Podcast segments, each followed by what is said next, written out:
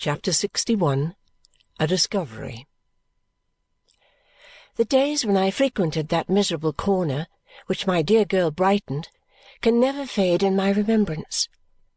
I never see it, and I never wish to see it now. I have been there only once since, but in my memory there is a mournful glory shining on the place which will shine for ever. Not a day passed without my going there, of course. At first I found Mr. Skimpole there, on two or three occasions, idly playing the piano and talking in his usual vivacious strain. Now, besides my very much mistrusting the probability of his being there without making Richard poorer, I felt as if there was something in his careless gaiety too inconsistent with what I knew of the depths of Ada's life. I clearly perceived, too, that Ada shared my feelings. I therefore resolved, after much thinking of it, to make a private visit to Mr. Skimpole and try delicately to explain myself. My dear girl was the great consideration that made me bold. I set off one morning, accompanied by Charley, for Somers Town. As I approached the house, I was strongly inclined to turn back, for I felt what a desperate attempt it was to make an impression on Mr. Skimpole and how extremely likely it was that he would signally defeat me. However, I thought that being there, I would go through with it. I knocked with a trembling hand at Mr. Skimpole's door literally with a hand, for the knocker was gone, and after a long parley gained admission from an Irishwoman who was in the area when I knocked, breaking up the lid of a water butt with a poker to light the fire with. Mr. Skimpole, lying on the sofa in his room, playing the flute a little, was enchanted to see me. "Now, who should receive me?" he asked who would I prefer for mistress of the ceremonies? Would I have his comedy daughter, his beauty daughter, or his sentiment daughter, or would I have all the daughters at once in a perfect nosegay? I replied, half defeated already, that I wished to speak to himself only if he would give me leave. My dear Miss Summerson, most joyfully, of course," he said, bringing his chair nearer mine and breaking into his fascinating smile. "Of course it's not business. Then it's pleasure." I said it certainly was not business that I came upon, but it was not quite a pleasant matter. "Then, my dear Miss Summerson," said he with the frankest gaiety, "don't allude to it. Why should you allude to anything that is NOT a pleasant matter? I never do. And you are a much pleasanter creature in every point of view than I. You are perfectly pleasant. I am imperfectly pleasant. Then, if I never allude to an unpleasant matter, how much less should you? So that's disposed of, and we'll talk of something else." Although I was embarrassed, I took courage to intimate that I still wished to pursue the subject. "I should think it a mistake," said Mr. Skimpole with his airy laugh, "if I thought Miss Summerson capable of making one, but I don't." "Mr. Skimpole," said I, raising my eyes to his. I have so often heard you say that you are unacquainted with the common affairs of life."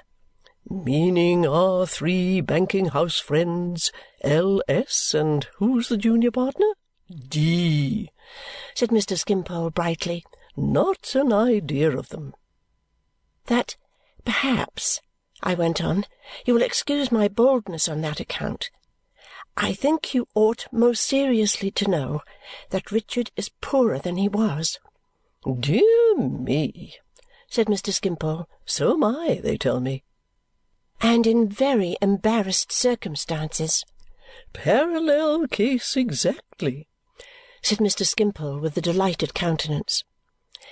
This at present naturally causes Ada much secret anxiety and as I think she is less anxious when no claims are made upon her by visitors, and as Richard has one uneasiness always heavy on his mind, it has occurred to me to take the liberty of saying that if you would not I was coming to the point with great difficulty when he took me by both hands and with a radiant face and in the liveliest way anticipated it. Not go there? Certainly not, my dear Miss Summerson, most assuredly not. Why should I go there? When I go anywhere, I go for pleasure.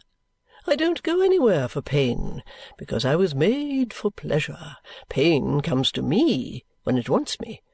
Now, I have had very little pleasure at our dear Richard's lately, and your practical sagacity demonstrates why.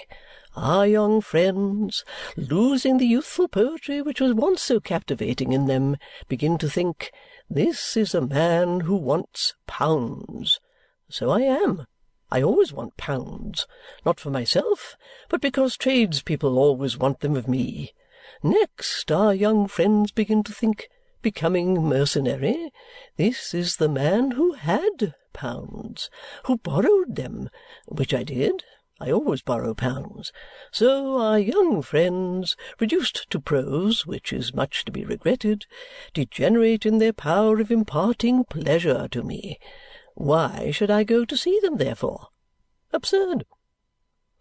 Through the beaming smile with which he regarded me as he reasoned thus, there now broke forth a look of disinterested benevolence quite astonishing. "Besides," he said, pursuing his argument in his tone of light-hearted conviction, "if I don't go anywhere for pain, which would be a perversion of the intention of my being and a monstrous thing to do, why should I go anywhere to be the cause of pain? If I went to see our young friends in their present ill-regulated state of mind, I should give them pain. The associations with me would be disagreeable. They might say, This is the man who had pounds, and who can't pay pounds, which I can't, of course. Nothing could be more out of the question. Then kindness requires that I shouldn't go near them, and I won't." He finished by genially kissing my hand and thanking me. Nothing but Miss Summerson's fine tact, he said, would have found this out for him. I was much disconcerted, but I reflected that if the main point were gained, it mattered little how strangely he perverted everything leading to it. I had determined to mention something else, however, and I thought I was not to be put off in that. "Mr. Skimpole," said I, "I must take the liberty of saying before I conclude my visit that I was much surprised to learn, on the best authority some little time ago, that you knew with whom that poor boy left Bleak House and that you accepted a present on that occasion. I have not mentioned it to my guardian, for I fear it would hurt him unnecessarily, but I may say to you that I was much surprised." "No? Really surprised, my dear Miss Summerson?" he returned inquiringly raising his pleasant eyebrows. "Greatly surprised." He thought about it for a little while with a highly agreeable and whimsical expression of face, then quite gave it up and said in his most engaging manner, "You know what a child I am. Why surprised?" I was reluctant to enter minutely into that question, but as he begged I would for he was really curious to know, I gave him to understand in the gentlest words I could use that his conduct seemed to involve a disregard of several moral obligations. He was much amused and interested when he heard this and said, "No, really?" with ingenuous simplicity. "You know I don't intend to be responsible. I never could do it. Responsibility is a thing that has always been above me uh, or below me," said Mr. Skimpole. "I don't even know which. But as I understand the way in which my dear Miss Summerson, always remarkable for her practical good sense and clearness, puts this case, I should imagine it was chiefly a question of money. Do you know?" I incautiously gave a qualified assent to this. "Ah! Then you see," said Mr. Skimpole, shaking his head, "I am hopeless of understanding it." I suggested, as I rose to go, that it was not right to betray my guardian's confidence for a bribe. "My dear Miss Summerson," he returned with a candid hilarity that was all his own, "I can't be bribed." "Not by Mr. Bucket?" said I. "No," said he, "not by anybody. I don't attach any value to money. I don't care about it. I don't know about it. I don't want it. I don't keep it. It goes away from me directly. How can I be bribed?" I showed that I was of a different opinion, though I had not the capacity for arguing the question. "On the contrary," said Mr. Skimpole, "I am exactly the man to be placed in a superior position in such a case as that. I am above the rest of mankind in such a case as that. I can act with philosophy in such a case as that. I am not warped by prejudices as an Italian baby is by bandages. I am as free as the air. I feel myself as far above suspicion as Caesar's wife." Anything to equal the lightness of his manner and the playful impartiality with which he seemed to convince himself as he tossed the matter about like a ball of feathers was surely never seen in anybody else. Observe the case, my dear Miss Summerson. Here is a boy received into the house and put to bed in a state that I strongly object to. The boy being in bed, a man arrives like the house that Jack built. Here is the man who demands the boy who is received into the house and put to bed in a state that I strongly object to. Here is a bank note produced by the man who demands the boy who is received into the house and put to bed in a state that I strongly object to. Here is the Skimpole who accepts the bank note produced by the man who demands the boy who is received into the house and put to bed in a state that I strongly object to. Those are the facts. Very well. Should the Skimpole have refused the note? Why should the Skimpole have refused the note? Skimpole protests to Bucket, "What's this for? I don't understand it. It is of no use to me. Take it away."